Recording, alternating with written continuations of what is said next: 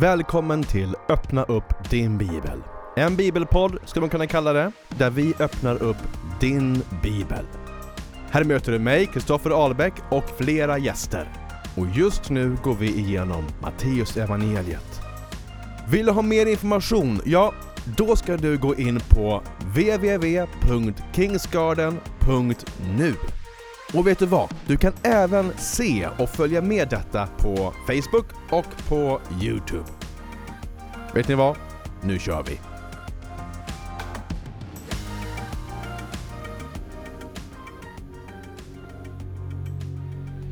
Hej och varmt välkommen hit till Öppna upp din bibel. Jag är lite sena här. Eh, ikväll, hörni, jag har klätt mig här. Heder åt snön. Jag älskar att det är Eh, kallt och kyligt ute. Helt underbart. Jag hoppas att du också har haft en jättefin dag och fått njuta av det underbara vädret. Och hörni, nu ikväll så ska vi hoppa vidare in i Matteus evangeliet och läsa eh, sista delen av kapitel 2 och tala om drömmar. Det tycker jag är jättefantastiskt. Du kan drömma drömmar från Gud. Vi ska tala lite mer om det och kolla vad Bibeln säger om det. Eh, kom ihåg att du kan skriva frågor i det här bibelstudiet. Om du har några frågor så skriv dem i kommentarerna. Och dela också jättegärna det här med dina vänner. Ska vi kolla här vad som händer här. Om det är någon som tittar just nu. Ehm, så att, se till två stycken på Youtube som kollar. Jättekul att ni är med. Ska vi gå in också på Facebook och se här. Så passa på att dela den här sändningen. Eh, bjud in dina vänner. Och var med. Där hör ni alltså eko. Så där, bort med det ljudet. Så att eh, vi kör igång va? Vad sägs om det? Och så bjuder vi in den heliga Ande. Tack Jesus att du är med ikväll. Tack att du är här. Vi älskar dig och hyllar dig. Be att du kommer nu över den här studion, över den som tittar där hemma med din heliga Ande. Vi välkomnar dig. Tack för helande ikväll, Fader. Att du helar den som är sjuk, att du helar den som är skadad och den som har smärta just nu i Jesu namn. Bara medan att vi är här och samlas inför dig så kommer du och är en läkande Gud.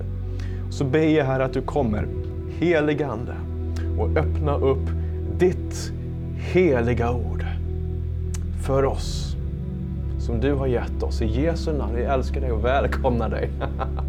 Amen, halleluja. Amen. Så kul, så bra. Hörni, vi, vi dyker rakt in. Vad sägs, vad sägs om det? Då hamnar vi här, flykten till Egypten. Vi har läst om de visa männen tidigare, ni vet, Jesu födelse och allt det här. Och de vise männen de skulle ju eh, gå till, tillbaka till Herodes och berätta vart de hade hittat Jesusbarnet så att Herodes själv kunde, som man säger, eh, så att även jag kan komma och tillbe det. Så ska vi se, ta bort lite ljud här som vi inte vill ha. Gör man det? Nähä, ja, ja bort med det där hjulet. Amen. Så, när de vise männen hade farit och de skulle precis då ge sig tillbaka för att åka till Herodes. Se, då visade sig en Herrens ängel i en dröm för Josef och sade Stig upp och ta med dig barnet och dess mor och fly till Egypten och stanna där tills jag säger till dig, ty Herodes kommer att söka efter barnet för att döda det. Josef steg då upp och tog om natten med sig barnet och dess mor och begav sig till Egypten. Där stannade han tills Herodes hade dött för att det skulle uppfyllas så som Herren hade sagt genom profeten. Ut ur Egypten kallade jag min son. Vi tar, hoppar, gör en liten paus här i första stycket. Här ser vi hur ingenting, ingenting är okänt för Gud. Han har full kontroll. Och han vet och han sänder hjälp. Han sänder dig hjälp också den stund som du behöver det. Och här så eh, säger han till Josef att ta med dig barnet och lämna den här platsen för det kommer inte bli så bra. Eh, och fly till Egypten. Gud vet vilken som är bästa platsen att fly till. Och Herodes var ju kung över hela Israel. Eh, exakt hur länge de var i Egypten, det är okänt. Eh, det finns vissa gamla, eh, inte bibeltexter, men de tidiga kristna eh, skrev ju också såklart. Man slutade inte skriva efter att Bibeln skrevs, utan man skrev ju brev som du och jag skriver på sms och skriver brev och böcker och sådana här saker. Det finns rapporter om att de var där i tre och ett halvt år, men vi vet inte exakt. Faktum är att Herodes, han dog bara några månader senare. Och här också så ser vi då eh, hur Matteus förklarar att det som sker också uppfyller en profetia. Och den här profetian är eh, från Hosea 11 och 1. Ut ur Egypten kallar jag min son. Det här är, som jag nog sagt någon gång tidigare, det här är också lite unikt för Matteus. De andra refererar också, de andra evangelierna, det var ju Matteus, Markus, Lukas och Johannes. De gör också såklart att de refererar till Gamla Testamentet och berättar eh, hur Jesus kopplar dit, varför Jesus är en uppfyllelse av det som Gud har sagt. Men Matteus, han har liksom extra mycket. Så det här eh, för att det skulle uppfyllas så som de har skrivit och sådär. Det står väldigt ofta med eh, i Matteus.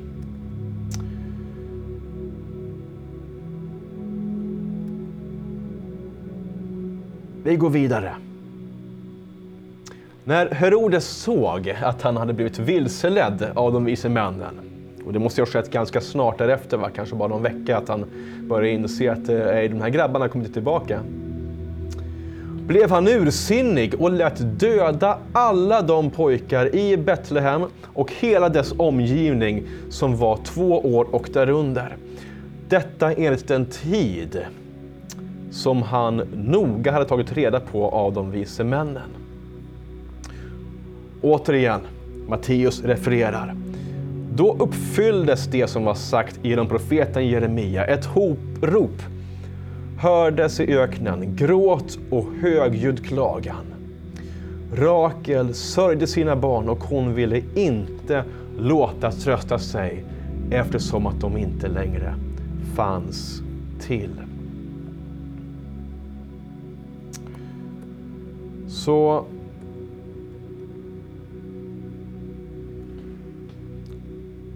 hur många var det som dog? Pojkar. Ja, I Betlehem så bodde det ett par tusen invånare. Och tänk då att det, ah, hur många barn har man då som är så små och sen pojkar? Eh, kanske 25-30 är det en del som räknar på. Vi vet ju inte. Förmodligen var det ungefär något sånt där. Man räknar på vad som är snittet på hur många barn man har och åldern eh, och antalet människor så kan det mycket väl ha varit ungefär 25-30 pojkar som drastiskt miste livet på grund av en kung som ville mörda. Han hade tagit koll på att det var två år och därunder. Eh, och det är också en liten hint om att de vise männen kanske inte heller kom direkt efter att Jesus hade fötts, utan de kanske kom, ja inte två år efter, för då skulle han ville ju ta en marginal, eller hur? Det skulle jag ha gjort i alla fall om jag har varit så hemsk i mitt hjärta. Men kanske att de vise männen kom ett år senare, ett halvår senare, eller ett och ett halvt år efter.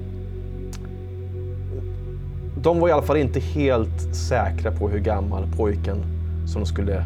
När de var hos Herodes först, var de vise männen, så visste de ju inte exakt hur gammal pojken var när de väl kom fram.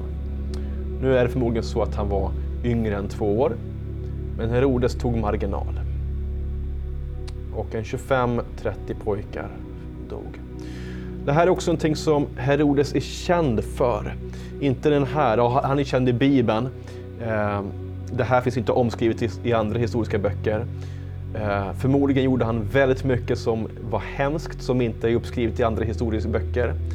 Men historieböcker som till exempel, eh, nu tappar jag helt bort namnet bara för det. Eh, ja, det kvittar.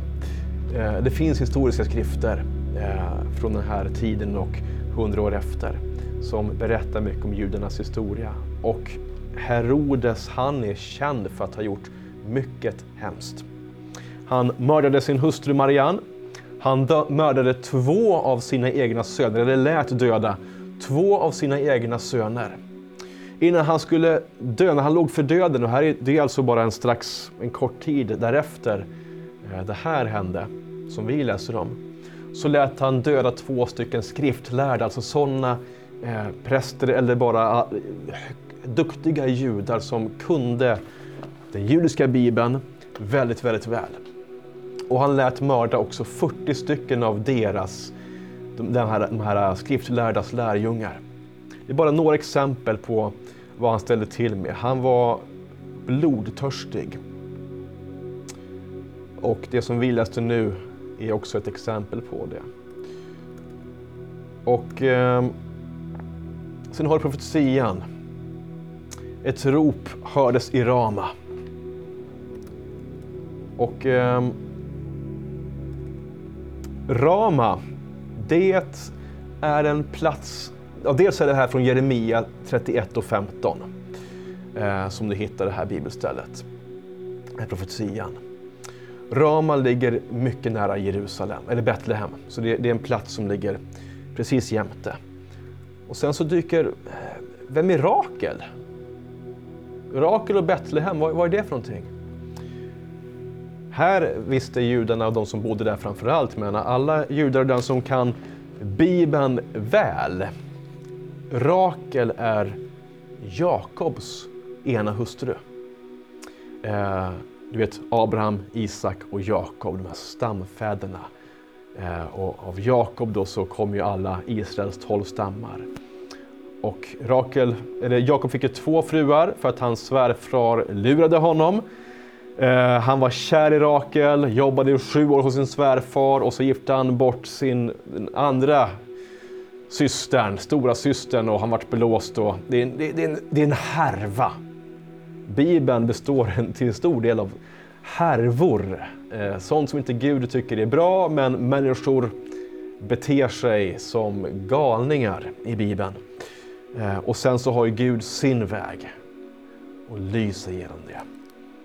Eh, Bibeln handlar inte om hur bra människor är, utan Bibeln handlar om hur fantastisk Gud är och hur underbar och vilken frälsare Jesus är. Så du kan läsa Bibeln om en hel del ganska konstiga familjerelationer. Eh, och här är en av dem. Men Rakel då, eh, en av Jakobs hustrur, två hustrur. Hon dog i barnsäng. Det här är ju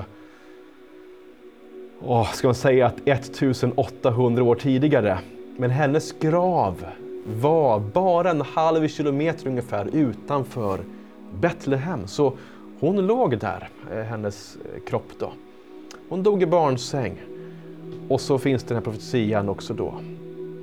Eh, och det är som att hon liksom gråter en gång till över ännu fler döda barn. Nu minns inte jag ifall den son som jag tror hon födde när hon dog i barnsäng överlevde, men hon själv dog i alla fall i barnsäng. Så det är Rama och Rakel och kopplingen till Betlehem. Ja, Okej, okay. vi, vi hoppar vidare här för nu kommer vi till sista stycket för idag. Återkomsten till Israel. När Herodes nu var död, se, då visade sig en Herrens ängel i en dröm för Josef i Egypten. Och ängeln sade, stig upp och ta med dig barnet och dess mor och bege dig till Israels land, ty de som vill döda barnets liv är döda. Ta en paus där. De, vadå? Herodes, flera? Ja, det var flera. Och här, det kan vara flera som har med Herodes att göra.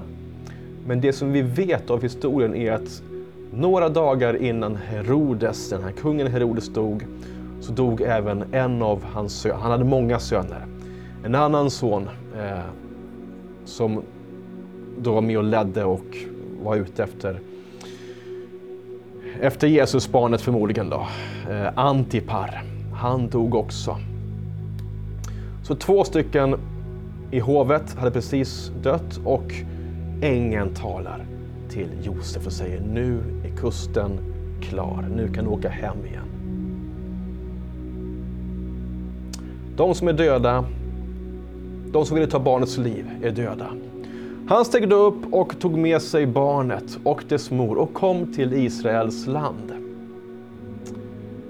Men när han hörde att Arkaleus, eller Arkalius var kung över Judeen efter sin far Herodes. Ja, alltså det är hur många söner som helst och de är inte schyssta någon av de här. Sen har du en Herodes som också korsfäste Jesus och det är en annan son. Flera av Herodes söner hette Herodes och sen ett andra namn, Herodes Antipas var den som mördade, eller som, ja, som lät korsfästa Jesus tillsammans med Pilatus. Och den här Herodes, som dog nu, är Herodes den store. Eh, som inte var någon trevlig människa.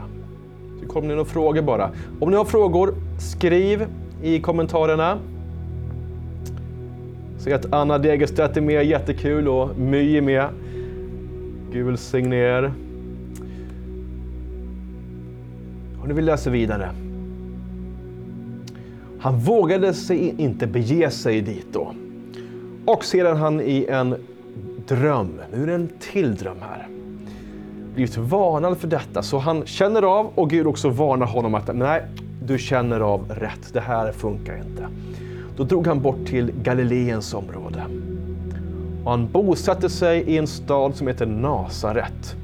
För att, nu är Matteus igen, som berättar vad skriften uppfyller och vad Jesus uppfyller. För att det skulle uppfyllas som det var sagt genom profeterna att Jesus skulle kallas Nazaré. Och det här eh, är från Jesaja 11 och 1. Det är ganska intressant profetia. Jag kan ta lite mer om det en annan gång, men jag hoppar över det idag. Men Jesaja 11 och 1. Så det var de här ställena som vi skulle gå igenom. Och det här är, liksom, här är en serie av händelser som kanske på ett sätt inte är jätte, jätteviktiga. Men de berättar ändå de första dagarna, de första åren i Jesu liv. Och det är ändå ganska omvälvande händelser. Vi får veta att Jesus de vill döda honom. Han lever inte som en prins i ett slott, utan han lever liksom under hot. Och hans föräldrar får fly och, och liksom, det är ganska omständigt. Och sen är det också ett flertal profetier som eh, Eh, uppfylls. Och det vi också då ser, det är att Jesus Kristus, han uppfyller profetier i skriften som han själv inte har makt över. Att han varit vuxen och tänker, jag vill leka Messias, jag vill få alla att tro, jag vill lura alla att jag är Messias. Då kan jag bara leta upp i Bibeln och, och se vad som står. Och sen så går han och försöker göra det och härma liksom och säger som ska sägas och sådana här saker och uppfyller på det sättet. Och försöker luras. Men det går inte alltid. Och här är, det finns fler exempel. Men här är då exempel när han är spädbarn. Han kan inte uppfylla de profetiorna på egen hand, men det sker ändå. Så att vi ska få förstå att det här var verkligen Messias. Och här nu så har vi haft drömmar vid fem tillfällen. Fem tillfällen på två kapitel som vi har läst nu hittills så har vi haft eh, drömmar framförallt till Josef eller kanske, ja, och till de vise männen. Eh, och Gud talar i drömmar också idag. Också idag så talar Gud genom drömmar, profetiskt. Han vill kommunicera med dig genom drömmar. Jag ska bara kolla tiden här. Yes. Gud talar på många sätt. Och ett av de sätten är drömmar. Du kan höra Guds, Guds röst fysiskt, du kan se bilder, du kan eh, få en in, förnimmelse. Och man kan få många förnimmelser, men ju mer man spenderar tid med Gud, desto mer lär man sig känna hans röst. Eh, och du kommer också märka hur förnimmelser som du ser också stämmer in när det är Gud som leder. Så om man går med Gud så talar Gud. Gud vill tala med dig för att han älskar dig. Därför vill han tala med dig. Han älskar dig. Och du kan också få en profetisk dröm och faktum är att du kanske redan har fått det utan att veta om det. I Joel 2 och 28 ska vi läsa. Och det är en profetia från en profet som heter Joel. Och det är ungefär 500-600 år innan Jesus. Då står det så här, och det ska ske därefter, och det är en tid som vi lever i nu, pingsten som skedde efter Jesus for upp till himlen, så skedde detta. Och det ska ske därefter att jag ska utgjuta min ande över allt kött. Era söner och era döttrar. Oj, nu gick musiken på min telefon. Eh, era söner och döttrar ska profetera, era gamla män ska ha drömmar, era unga män ska se syner. Också över tjänare och tjänarinnor ska jag i de dagarna utgjuta min ande. Gamla män ska ha drömmar. Då kan man tänka, är det bara gamla män som drömmer drömmar? Är det bara unga män som ser syner? Är det bara de som är söner och döttrar eller unga som profeterar? Nej, det är inte syftet att, att dela upp det i, i stycken här. Och tjänarinnor, ja det står ju slavar egentligen i Bibeln. Det, det, det har vi ju inte idag. Gäller inte bibelstället då? Jo, det gäller visst. Det här är för att exemplifiera. Gud vill säga att han ska utgjuta sin ande över alla som tillhör honom. Alla gamla, alla unga, hög eller låg, fattig eller rik, slav, slavinna eller något annat. Alla som känner Jesus, som bjudit in Jesus i sitt hjärta, som är liksom, eh, det här är till Israels folk som Gud talar. Eh, det ser man av det som är runt omkring, att det här handlar om Israel. Så utgjuter Herren sin ande. Det ska profeteras, det är drömmar, det är syner och egentligen mycket, mycket mer. Så här är bara, det här är inte hela listan, men det är exempel. Så du kan drömma drömmar, det här gäller dig idag. Hur vet jag om jag fått en profetisk dröm? Ja, ofta vaknar man upp och så bara, det är så tydligt, det är så klart, du minns alla detaljer. Liksom det är nästan bara, vroom, vaknar upp sådär. Det, det är väldigt klart. Ett exempel. Vi läste här precis eh, om hur en Herrens ängel kom och ja, kommer en Herrens ängel eller Gud själv, att du, du möter Jesus i en dröm, då är det ju såklart ganska tydligt att det är en dröm som är från Gud. Men alla drömmar är inte så. Jag tänkte tidigare så att ja, men en dröm som är från Herren, en dröm som är profetisk, då är det så här, det är så klockrent uppenbart, du möter Gud själv. Då är det en profetisk dröm. Men faktum är att i Bibeln, på flera tillfällen, så är det drömmar eh, som en del av dem är så här, i klarspråk, som till exempel nu, en Herrens ängel kommer. Ibland är det Gud själv som kommer och talar. Och i andra drömmar så är det liksom bilder, det är som liknelser. De ser, ja men, någon ser kor som äter upp andra kor. Jättekonstigt kan man tycka. Han tyckte det, alla tyckte det var en konstig dröm, men det var någonting med den drömmen som den här faraon drömde då för många tusen år sedan. Så det finns exempel på drömmar som måste tydas. Och om man kollar på Jesus, hur han undervisar, så undervisar Jesus både klarspråk och även i liknelser. Även i Gamla Testamentet så finns det undervisning och profetier till exempel, som en del är i bilder, andra är rätt upp och ner i klarspråk. Så Gud talar på båda sätten. Så att om du fått en dröm som inte är exakt klarspråk men som är en, en, en bild av något slag, som en video eller något sånt där. Det kan vara profetiskt. Vi ska komma in lite mer på det. Drömtydning är Guds sak. Fick du se det här förresten? Joel, jag vet inte om, du, om jag visar det för dig. Joel 2.28.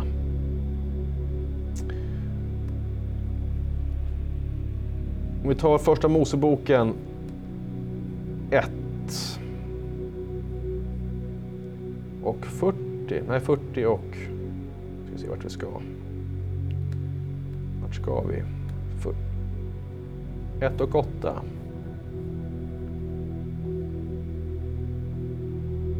Här. När Josef får tyda drömmar så säger han så här. Att ge uthyrningen är Guds sak.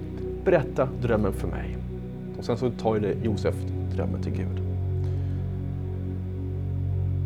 Så det är Guds sak. Vi, ska, vi kan förstå drömmar. Vi kan själva, om vi kan Bibeln och vet hur Gud talar så kan man se kopplingar själva. Men nästan alltid så måste Gud, om inte vi har det genom Bibeln så kommer också Gud med sin ande och uppenbarar. Men du, det var det här jag menade. Så vi kan tyda genom Bibeln, med att se liksom bilder och exempel. Till exempel vatten står ju ofta för den helige ande till exempel. Um, med eld kan både vara negativt, men eld kan vara uppenbarelse. Gud talar till Mose genom en eld i en buske. Det kan också vara den helige ande eh, som kommer som eld ibland. Så att det, till exempel på pingsten kommer det tungor av eld. Så att bilder, kolla i Bibeln och tala med den helige ande. Um, men hur vet man då om en dröm är från Herren? Ja, om det är så att du inte har mött en ängel i en dröm, då är det ganska uppenbart. Och allt ska prövas, all profetia ska prövas. Och så är Paulus i Korinthierbrevet, all profetia ska prövas. Men om du vaknar upp och har en, precis haft en dröm där det är så supertydligt, det är överklart, du har alla detaljer klara liksom. Det liksom bara lyser för dig. Då kan, det måste inte vara, men det kan mycket väl vara en dröm som är profetisk. Vad du gör då är att du skriver ner den. För mitt i natten, då kommer man inte ihåg någonting efteråt. Man tänker så här, ah, den var så stark, jag kommer ihåg den sen. Nej, inte jag i alla fall. Skriv ner, skriv ner. Och kan man förstå det mitt i natten? Ja, kanske. I alla fall hälften ibland. Min erfarenhet är att ibland förstår jag när jag får en dröm mitt i natten, jag förstår lite grann vad den handlar om. Men jag har aldrig förstått hela drömmen, utan det tar en dag, några timmar liksom, eller flera veckor efteråt. Och framförallt mitt i natten. Alltså, i alla fall jag är ganska mosig, så att skriv ner, uttydningen kommer sen. Gå och lägg dig igen. Tacka Jesus, gå och lägg dig, be över det och sen så prövar du det dagen därpå. Även om inte du förstår drömmen, du kanske kommer förstå den som ett rinnande vatten efter några timmar när du vaknar. Skriv ner den. Det ska prövas, som allting. Och ibland, som jag sa, får du uttydningen på en gång. Ibland kommer Gud med delar. Jag har drömmar där jag har fått viss av uttydningen klar. Och sen andra halvan har jag inte alls tydligt för mig. Det kanske kommer om några år. Ibland tar det några dagar, ibland ett par månader, ibland flera år innan du får en uthyrning. Varför tar det flera år? Är inte det dåligt? Ja, exempelvis kanske Gud vill visa dig att han var med dig och ledde allting. Att du i efterhand får se liksom, tillbaka på ditt liv och vad som hände och så sen säger Gud, kommer du ihåg den här drömmen som du drömde för sju år sedan? Ja, den betyder det här. Och så förstår du att, oj men du, Gud var med mig hela tiden. Jag hade en sån dröm när jag var kanske fem år gammal. Och jag förstod den inte, jag tror det var bara en, en ganska knepig dröm. Men sen när jag var typ 32, då förstod jag den och så fick jag se att hej, Gud var med min familj när jag var fem år gammal och han talade till mig profetiskt. Det vill också säga att barn kan drömma som är profetiska. Så om dina barn har mycket drömmar, om du har barn, skriv ner dem, be över dem. Våga kolla vad det kan vara för någonting. Man vet aldrig. Det var det vi skulle gå igenom idag egentligen. Du kan drömma från Gud. Om du vill drömma mer, be en enkel bön. Säg Jesus, natten jag går och lägger mig så vill jag drömma en dröm som är från himlen. Jag skulle vilja be att du ger mig det. Så lägger jag på kudden och sover. Så får vi se vad Gud gör, kanske i natt eller om några nätter. Men Gud, han älskar dig och han vill tala med dig, han vill tala till dig för att han vill vara din vän. Och om du ännu inte känner Jesus vill jag bara be dig att bjuda in honom i ditt liv. Säg Jesus, jag vill bli din vän. Tack att du dog för mig på korset. Tack att du förlåter mig mina synder. Jag vill ta emot din förlåtelse och bli din helt och fullt. Jag vill bli en lärjunge. Jag älskar dig Jesus. Amen. Jag kan be en sån bön. Omvänd dig från dina synder. Allt det som är döden. Synder är inget bra, det är dåligt. Det är inget bra, det bara jagar dig efteråt. Vänd dig om och lev ett liv för Jesus. Han som är ljus och strålar i härlighet. Han som aldrig skakar. Och det här, Bibeln, skakar aldrig. Stå på Guds löften. Låt mig be för dig nu. Tack Jesus för mina vänner där hemma. Tack att du välsignar dem och du älskar dem och tar hand om dem. Jag vill bara be just nu Herre, att du talar profetiskt i drömmar, syner och uppenbarelser på många andra sätt. Men specifikt Herre, så vill jag be att för den som just nu vill drömma profetiskt med dig Herre, att du skulle välsigna den, skulle bara lägga din hand Jesus på deras huvuden och öppna upp Herre för allt som du vill ge och allt som du vill visa. Att de ska få se och allt som du vill tala. Vi tror dig Herre om en tid med ökade drömmar från himlen. Och för den också som, om du inte kan sova på natten, om du har mardrömmar eller liksom bara ligger och är stressad på natten och inte kan sova, så vill jag bara be för dig just nu också att du skulle få drömma himmel, så du skulle få frid.